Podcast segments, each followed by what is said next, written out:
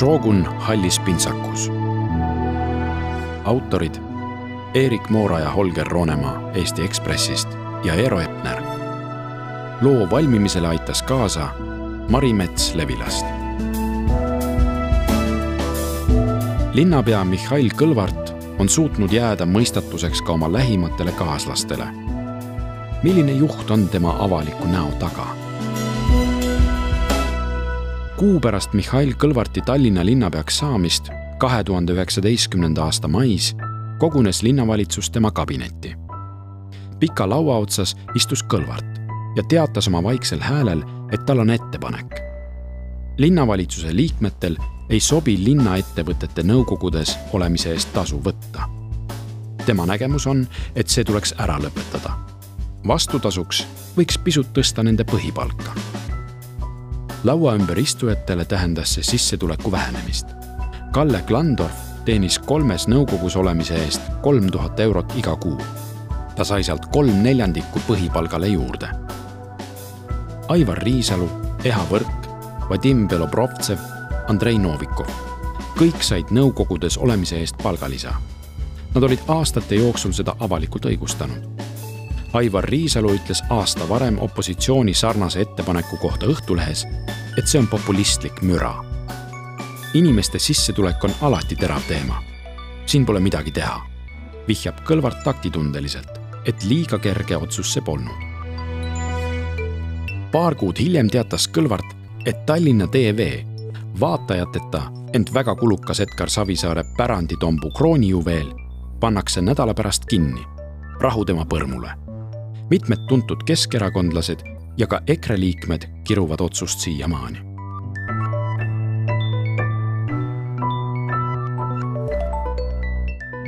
Kõlvart oli väga huvitatud ja pühendunud, et Tallinnast saaks Euroopa rohepealinn.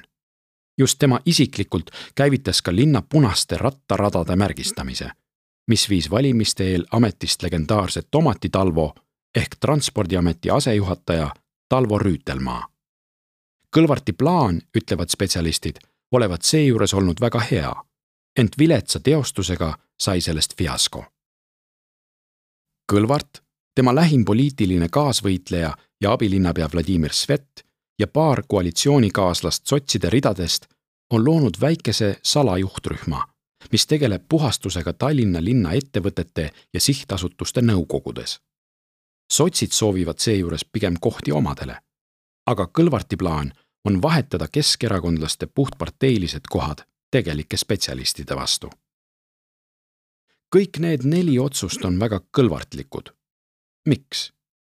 esiteks saadavad need tugeva signaali, nagu oleks toimunud mingi suur ja oluline muutus. teiseks on need väga hästi sihitud. Keskerakonna tohutu propagandaaparaat eesotsas Tallinna TV-ga korruptantidest linnaisadega täidetud nõukogud, keskkonnavaenulik ja autolembene linnavalitsus, toiduahel. kõik need on valimistest valimistesse olnud opositsiooni peamised malakad. just neil teemadel on nad Keskerakonda väsimatult tampinud, suutmata kõnetada valijaid nende igapäevase elu edendamise teemadel. nüüd aga näeb valija ise ja kui ta juhtumisi ei näe, saab Kõlvart talle leebelt öelda, mis propaganda Tallinna TV on ju kinni. mis nõukogud, me ei võta sealt palka. mis autolembene, me tegime kogu linna täis maailma kõige nähtavamaid rattateid. paari otsusega on võetud valimistel kriitikutelt jõud. poliitiliselt väga tark käitumine. tegu on Eesti kõige strateegilisemalt mõtleva poliitikuga, ütleb üks temaga regulaarselt suhtlev tippjuht. ehkki need on suuresti sümboolsed aktid Tallinna TV kaader toodab saateid linna endiselt ülisuures propagandaaparaadis edasi. toiduahel on hea tervise juures. jalgrattateede värv on ammu merre uhutud ja üha rohkem linlasi kolib autodesse. pool tehet on tehtud, tugev sõnum on saadetud. tegelik muutus võib oodata.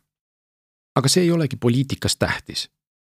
oluline on, et Mihhail Kõlvart on saavutanud oma strateegilise eesmärgi ta on valija jaoks justkui midagi päriselt uut, julgeb otsustada, tegeleb probleemidega, mõtleb värskelt, teeb teisiti.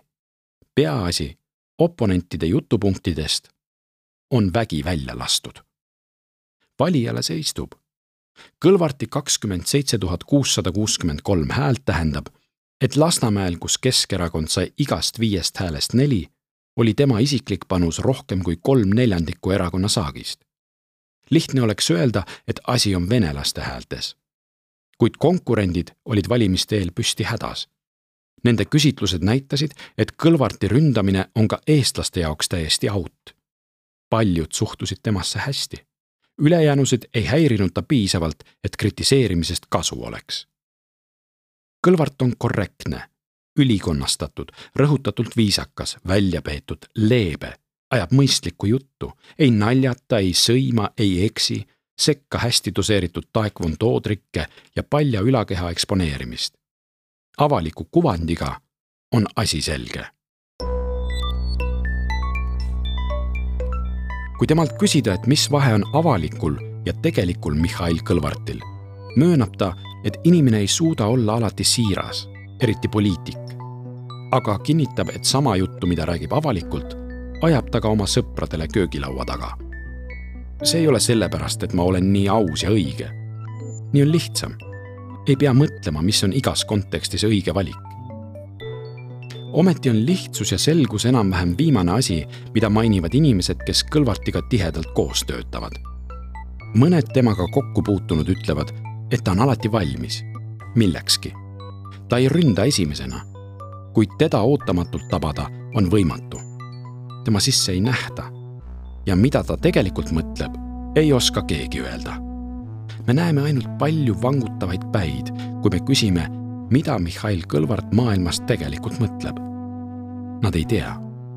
endine abilinnapea Aivar Riisalu lõõbib.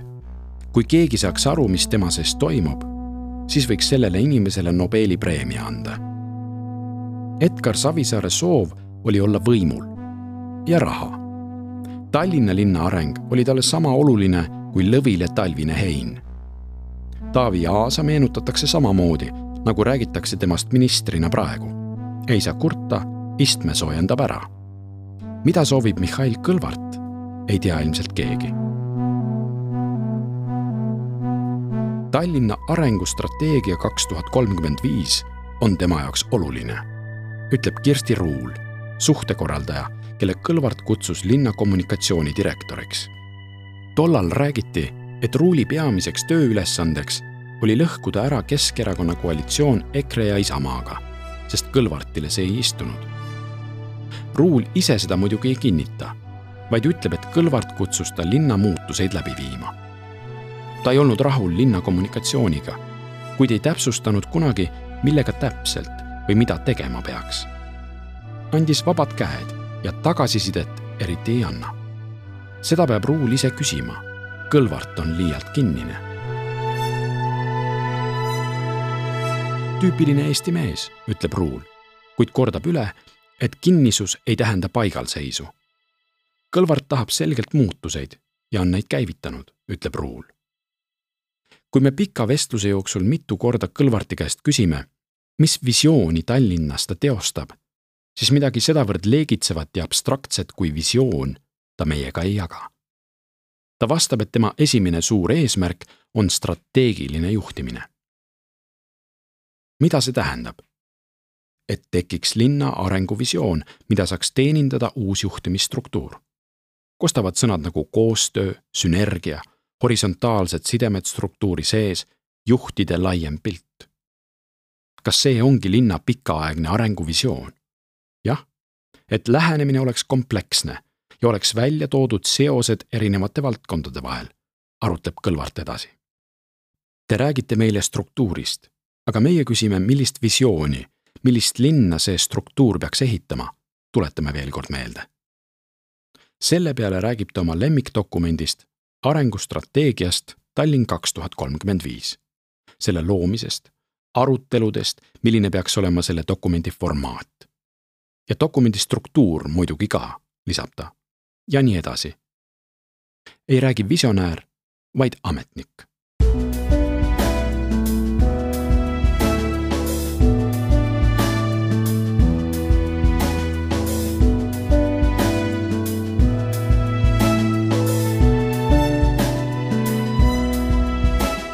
ta on täiesti läbitungimatu, ütleb meile üks teda telesaate jaoks intervjueerinud ajakirjanik. Meenub näost punetav ja tigedalt puhisev Ainar Ruussaar tänavu veebruaris Kuku raadio köögis siunamas. pagan küll, me tegime kolm tundi küsimusi ja mõtlesime, kuidas teda lahti muukida. aga absoluutselt mitte midagi. mitte midagi. just oli lõppenud saade Kahe vahel Mihhail Kõlvartiga Kõlvart kas ei soovi avalikkusega ja oma meeskonnaga jagada oma laiemaid sihte väljaspool struktuure, arengukavasid ning dokumente või tal polegi neid. ettevõtjad, juristid, lobistid, kellelt küsisime nende kogemuste kohta, kordavad üht mõtet. läbi rääkida on Tallinna linnapeaga ülikeeruline, sest mitte kunagi ei saa aru, mida ta tahab. kui talle miski ei sobi, ei saa teada, miks. sageli ei saa teada sedagi, kas sobib või ei sobi lihtsalt otsuseid, kinnitatud planeeringuid, väljastatud ehituslube ei tule ega tule. Selles osas, ütlevad mitme projekti arendajad, on asi läinud hullemaks kui varem. Kõlvart on kompetentne, pole kahtlust.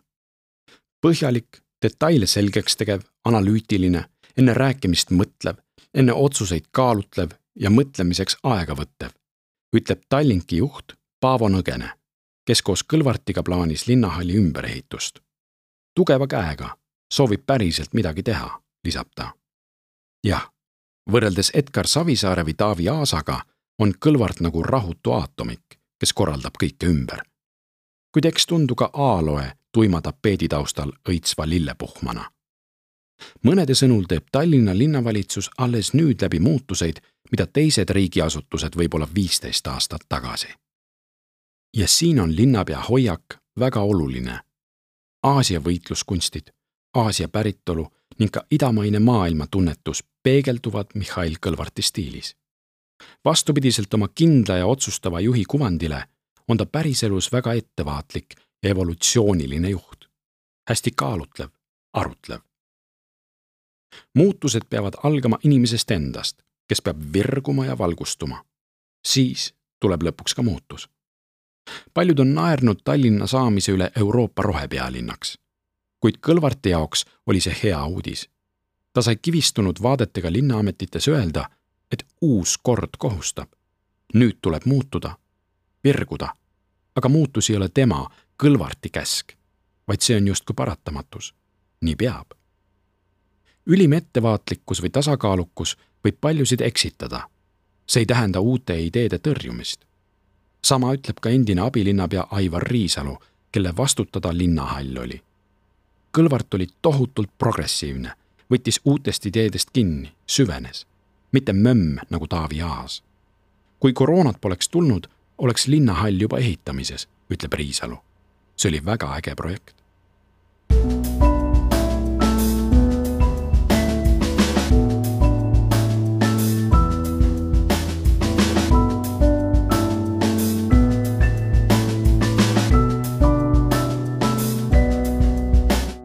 Mihhail Kõlvart on ideaalne juht, ütleb meile temaga lähestikku töötanud inimene. aga mitte tippjuht, vaid organisatsiooni number kaks, tegevjuht. ta on mees, kes kannab hoolt, et süsteemid toimiksid, et kõik oleks läbimõeldud. aga ta pole liider. Kõlvart ei süsti alluvatesse hommikuti energiat, indu, ei sünnita uusi suuri ideid, ta ei sära. ta manageerib. ta ei lähe täispangale, vaid lepib poole tehtega kus võimalik. Kõlvarti emotsioonide ja hoiakute vaka all hoidmine tekitab tema ümber kummalise oreooli. inimesed proovivad justkui ära aimata, mida ta võiks mõelda ja siis vastavalt käituda. mitmed ütlevad, et linnavalitsuses ei julge ilma Kõlvarti heakskiiduta keegi midagi otsustada. aga mis linnapea arvab ja linnapea otsustab, on selle maja põhilaused Kõlvart ise ei pea sellist kultuuri efektiivseks. ta tegeleks ideaalis ainult strateegiliste ja üldfilosoofiliste küsimustega. aga siiski hoiab ta praktikas seda valitsemiskultuuri elus, kontrollides ka väiksemaidki samme. iga kindral peab võtma vajadusel enda peale ka sõduri rolli. tõepoolest, ma olen kursis ka väiksemate projektide ja aruteludega ja ise osalen, on tema sõnad kuna kohtume Kõlvartiga pärast tema puhkust, küsime, kas linn jäi linnapea puhkuse ajal seisma. ei, seda kindlasti mitte, sest ka puhkuse ajal olen kontaktis. ja muigab maski taga, mida linnavalitsuses püüdlikult kantakse ka siis, kui muu Eesti on need töökohtadel ammu eest visanud. Kõlvart kontrollib kõike, eriti ennast. kui ta sind vaikides vaatab, hakkad tundma, et oled miskipärast tema ees süüdi. kui ta annab korralduse, siis ei ole enam ruumi vaidlemiseks. Kui ta juhib koosolekut, ei tõsta ta kunagi häält ega luba endale emotsionaalseid purskeid või rumalat sõna. linnavalitsuses ja volikogu fraktsioonis on ikka koosolekuid, kus vaidlus läheb väga emotsionaalseks.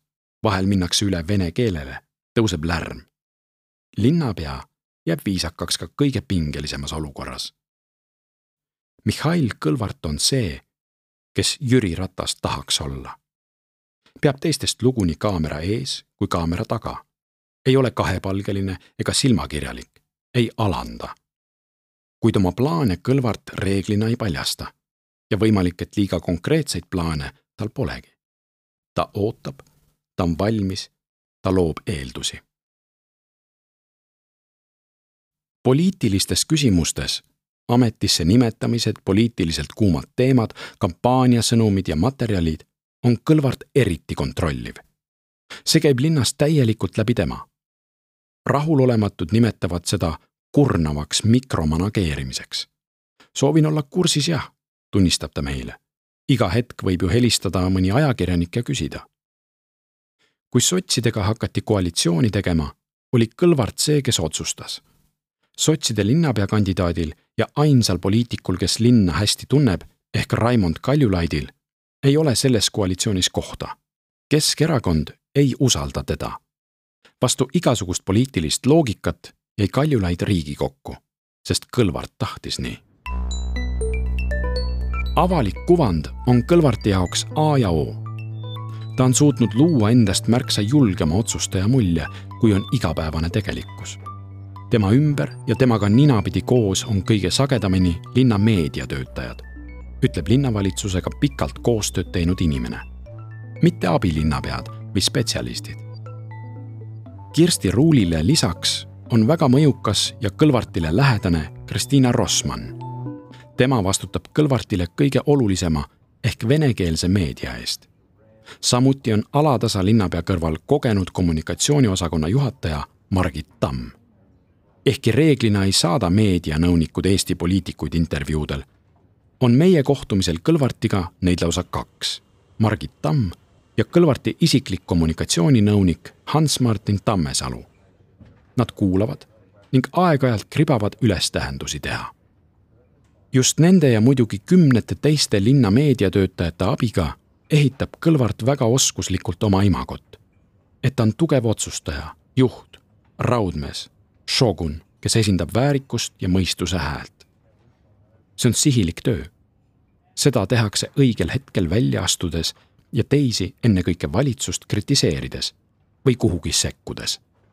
see toimib. Kõlvartil ja tema meediatiimil on hea poliitiline kuulmine. ehk enamasti nad oma sekkumistega märgist mööda ei lase. korrad, kus mõistuse hääl on mööda pannud, ununevad ruttu näiteks koroonakriisis on olnud lihtne piiranguid kord liiga karmideks, kord jälle liiga leebeteks kuulutada ja valitsuse omadest veelgi segasemaid piiranguid kehtestada. tema lähikond on väike. linna strateegiakeskuse juht ehk linnakantsler Kairi Vaher, linnasekretär Priit Lello, abilinnapeadest on selgelt esile tõusnud Vladimir Svet. aga kuna haridusteemad on Kõlvartile väga olulised, ta tunnistab isegi, et on unistanud just haridusministri kohast, siis ka hariduse abilinnapea Vadim Belobrovtsev. Jüri Ratas nende sekka ei kuulu. meie küsimustele Jüri Ratase kohta vastab Kõlvart diplomaatiliselt. kuid isegi tema äärmiselt kontrollitud kehakeeles nõksatab midagi. ja kuigi meil puuduvad selle kohta dokumentaalsed tõendid, ei jää kellelegi ruumis hiljem kahtlust, et Kõlvart ei hinda Jüri Ratast just üleliia kõrgelt. Kunagi head liitlased olnud Ratas ja Kõlvart uuemal ajal enam eriti ei räägi. Ratas ei ole kunagi tahtnud lahti lasta ühestki võidetud juhtimispuldist. valitsusest välja jäänuna soovib ta ikkagi valitsust juhtida. kui Kõlvart sai Taavi Aasa asemel linnapeaks, siis suunas Ratas terve portsu oma inimesi linnaosavalitsusi juhtima ja teistele ametikohtadele. erakonna sees kutsuti neid flaieri jagajateks, sest neil oli teeneid Ratase kampaaniates. kes oli sõna otseses mõttes flaiereid jaganud, kes oli piirdelinte vedanud Jüri Ratase jalgrattavõistlusel. kuni Kõlvart tegi sellele lõpu. tänaseks on linna meeskond Kõlvarti valitud ja tema nägu. mõned head inimesed nagu Vladimir Sveti on ta enda poole võitnud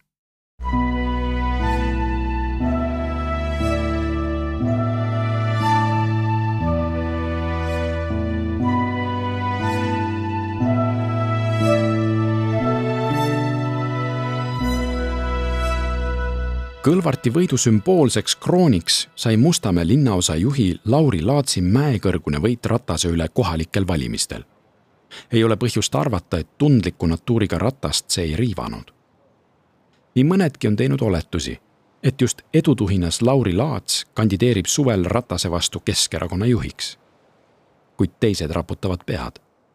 Laats on munitsipaalpoliitik katuste tihendamine, koerahunnikute koristamine, pargis uue purskkaevu avamine, palun. aga mitte riigi juhtimine. kui üldse keegi, siis peab olema Mihhail Kõlvart see, kes läheb Jüri Ratase vastu. see ei juhtu veel, ütleb üks Kõlvartiga koalitsioonis olev poliitik. aga ühel hetkel juhtub. Kõlvarti piirid on tegelikult veel kompimata. ta pole veel kunagi pidanud erilist poliitilist talenti ilmutama sest on poliitikuna üles kasvanud Tallinna linnavalitsuse pruunidest tellistest püstitatud turvalises ja Keskerakonna ainuvõimu hoidvas hoones. ta pole kunagi näinud tõhusat ja kaasaegset haldusorganisatsiooni. ta pole pidanud kunagi maadlema keeruliste koalitsioonipartneritega. ta tunnistab isegi, et ta pole koalitsioonipoliitika austaja. jah, mina eelistasin liikuda sellisel viisil, et oleks üks erakond mitte selleks, et nautida võimu, vaid et süsteem oleks efektiivsem ja operatiivsem. see ei tähenda, et Tallinna praegune koalitsioon sotsidega ei toimiks. koostöö on hea ja sisuline ning Kõlvart ei soovi seal midagi muuta. sest ta on loomult ettevaatlik ja väldib poliitilisi intriige. Jüri Ratase ja Jaanus Karilaiu juhitud õõnestussõda Reformierakonna vastu Kõlvartile ei meeldi. kui selle kohta küsime, on see ainus hetk pikas intervjuus, kus Kõlvart vakatab ja kalkuleerib. see on raske poliitiline küsimus. kuidas ma sellele korrektselt, ei peagi korrektselt, vastake nagu sõpradele köögilaua taga. ja jah, ütleb Kõlvart ja annab siis kõige kõlvartlikuma vastuse üldse. ma ei taha süüdistada Reformierakonna kolleege, et nende käitumine provotseeris jõulise käitumise meie erakonna poolt aga ma ei taha samuti süüdistada ka minu erakonna inimesi, et nemad on jõulised ja ebakonstruktiivsed. nii see ka pole. partnerid vaidlevad ja see on normaalne, aga suurem osa sellest ei peaks minema välja avalikkuse ette. see on eriti kriisi ajal väga halb signaal. partnerid peavad austavalt vaatama üksteist, mitte süüdistama. ta mõtleb pisut. mul oleks selles keskkonnas väga-väga raske töötada ma pole ka piisavalt professionaalne poliitik. kui Kõlvart otsustaks, siis sellist pidevat ebakonstruktiivset avalikku võitlust koalitsioonis poleks. selles kontekstis tuleb vaadata ka Kõlvarti reaktsiooni hetke suurimale väljakutsele. Venemaa algatatud sõjale Ukrainas ja ukrainlastest põgenikele, kes Eestis abi vajavad ja saavad. paljud vihased eestlased heidavad Kõlvartile ette, et ta ei visku eesliinile ei tõmba liidrina siinseid venelasi, kellest paljud on otseselt Putini-meelsed või Ukraina põgenike suhtes ühel või teisel põhjusel kiivad, kaasa või Eesti poole üle. Nad ei arvesta, et Kõlvart polegi selline barrikaadidele viskuv liider. ta on kaasaegne, pragmaatiline ja üliettevaatlik poliitik, kes peab Ukraina küsimustes oskuslikult navigeerima tema jaoks väga vastuolulistes vetes ta peab seda kriisi ja oma valijate meelsust ilma kaotusteta ja tasapisi manageerima. kohe kindlasti ei ole ta Edgar Savisaar, kes kahe tuhande seitsmenda aasta aprillis kriisile veel hagu andis ja kaost nautis. võimalik, et vaid Kõlvarti viisil, kannatlikult, tasapisi, sõnumitega poolele teele jäädes, saabki kaotusteta ehk suurema konfliktita praegusest jamast läbi tulla. fakt on see, et Kõlvart käis varakult Lvivis ja õppis nende kogemusest, kuidas paremini valmistuda ja põgenikke aidata. fakt on ka see, et Kõlvart pani Tallinna linnavolikogu väga kirju meelsusega keskfraktsiooni ühehäälselt toetama avaldust, milles Putini agressioon selgelt hukka mõisteti. ta ütles neile. me elame selles riigis, me oleme selles maailmas, meil ei ole valikut. ja teda kuulati. keda veel oleks kuulatud?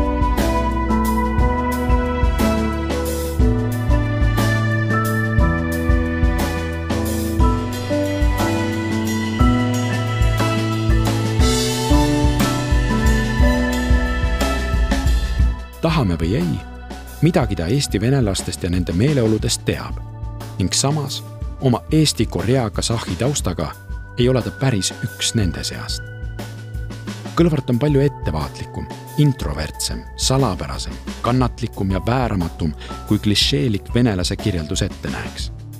ja seda tajutakse ka Lasnamäel, kus ta sellele vaatamata endise hooga hääli kokku roobitseb. sest kes saakski olla tema asemel tema, kes kontrollib kõike ja ei lase ligidale kedagi.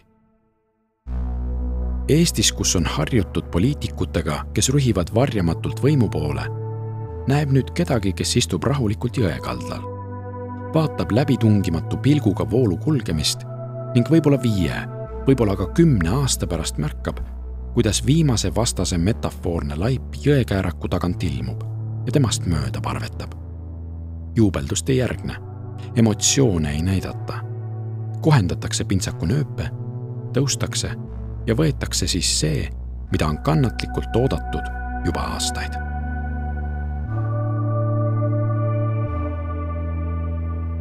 audiolugu luges Sergo Vares. salvestus, helikujundus ja originaalmuusika Janek Murd